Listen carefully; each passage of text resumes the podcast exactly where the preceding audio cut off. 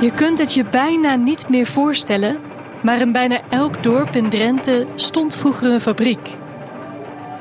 Wat voor een en hoe groot zo'n fabriek dan was, dat hoor je in deze vijfdelige podcastserie.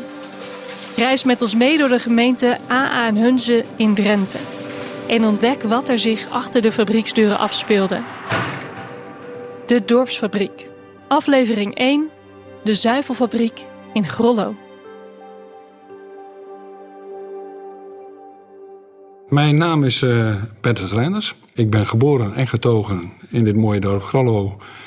Ja, en als qua jongen uh, kwam ik bij de melkfabriek in Grollo terecht. En uh, ja, daar weten we dan zo langzamerhand wat een en ander van. Vroeger had iedereen een gemengd bedrijf. mijn vader had melkvee.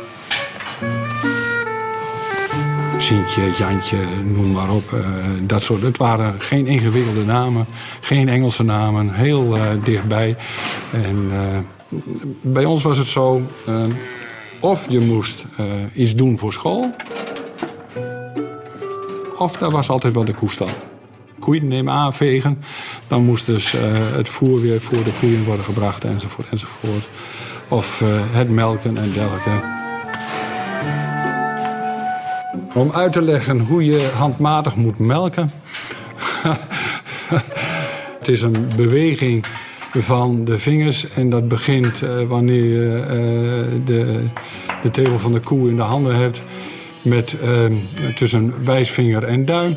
En dan de vingers naar beneden toe steeds verder dichtknijpen, zodat daar een, een duwende werking ontstaat op de tepel. En ja, je, je denkt daar niet meer bij na. Het is natuurlijk op een gegeven moment gewoon slagwerk.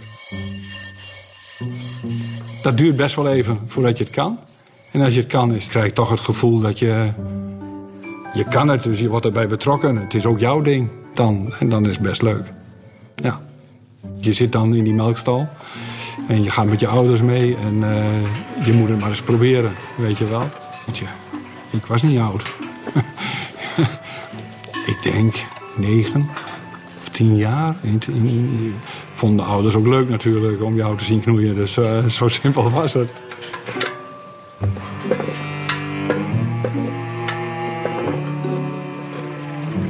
De melk werd in die tijd opgehaald. Hè? Eerst uh, in melkbussen.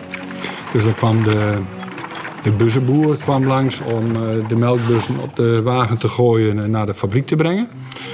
Het was ook belangrijk om die op, op tijd aan de straat te hebben. Zodat iedereen kon zien dat je een goed boer was. Van je was vroeg uh, er weer van het melken. Het was een beetje een wedstrijdje soms om uh, die melkbus aan de straat te hebben. In latere jaren kwam de RMO, noemen ze dat, de rijdende melkontvangst, langs. En die had een, een, nou te vergelijken met een stofzuigerslang, maar die zoogde de bussen leeg. En de periode daarna had je de eerste melktanks.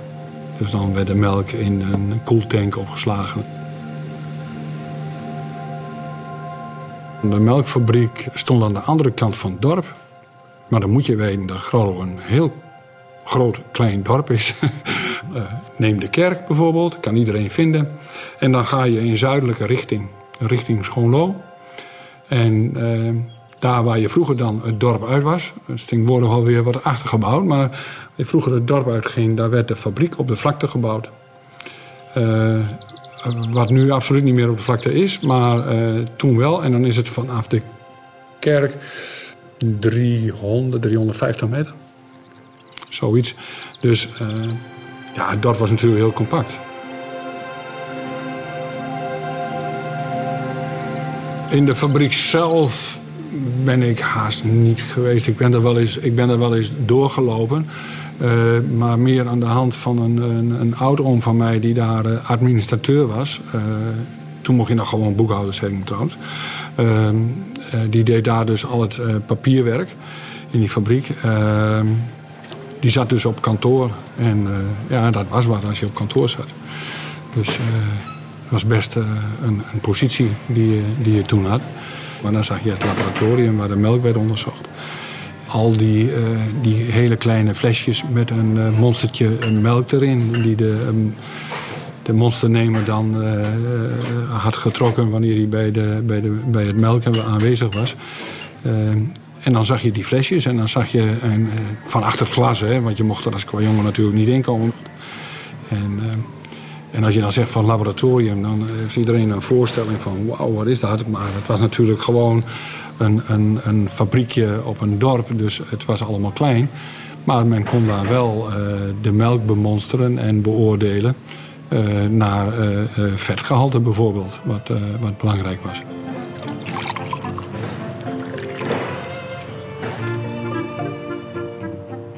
En men is ooit begonnen met dat er op een dag 600 liter melk werd aangeleverd. En toen de fabriek gestopt is, in 1970 ongeveer, was het uh, eh, 5 miljoen liter per jaar in dit fabriekje. Dus dat was, dat was aanzienlijk. Het was echt de fabriek. En het was niet meer alleen die melkfabriek. Er kwam veel meer bij. Het was, ja, voor de landbouw uh, sector in en om uh, Grollo en de, en de omliggende dorpen van, uh, ik denk, van hele grote betekenis. Anders had je het niet kunnen draaien. Ja, als dan de fabriek sluit en de laatste melk wordt ontvangen. Nou, dat was niet leuk. En ik herinner mij dat ook dat het in het dorp als zodanig werd ervaren. Dat, uh, dat, dat, was wel een dingetje. Uh, toen kwam er gelukkig, werd er gezegd, een garagebedrijf in, in het pand. Uh, dat was ook zo, want daar was daar weer reurigheid. En reurigheid is enorm belangrijk in een dorp. op een gegeven moment is dat ook vertrokken. En toen kwam na enkele jaren leegstand de afbraak. En dan is het net als, als dat je ook in tv-beelden voor je ziet.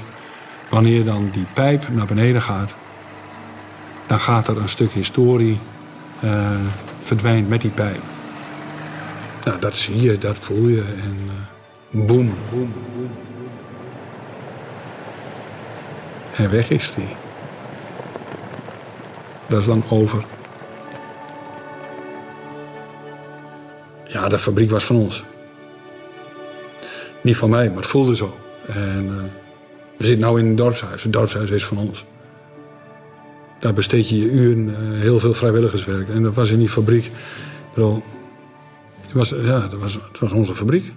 Daar, daar, was je als dorp ook trots op. En, uh, en, ik, en ik denk met recht, want het, het draaide prima. Totdat het niet meer ging, tot alles groter moest. Dus ja, zuivelindustrie en Grollo ben blij dat ik het heb meegemaakt. Ik ben blij dat ik erover vertellen kan. Uh, en ik ben er best wel trots op, zeg maar, dat het hier op deze wijze zich heeft ontwikkeld. Het is jammer dat het weg is, maar dat is altijd zo met dingen. Het komt niet weer. Maar de herinneringen zijn mooi.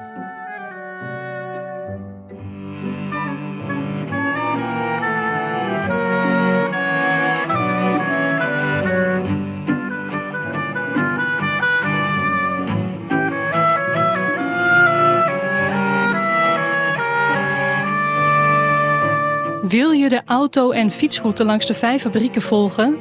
Download dan de app Spacetime Layers en zoek de route De Dorpsfabriek. Op de website www.drentsarchief.nl schuine streep dorpsfabriek vind je ook alle informatie over de podcast en vind je de route. De podcast De Dorpsfabriek is gemaakt in opdracht van het Drents Archief en uitgezonden op RTV Drenthe. De research en redactie deed Hilde Boelema. Opname en montages deed Marjolein Knol. Eindmontage en sounddesign Sander Lambrecht.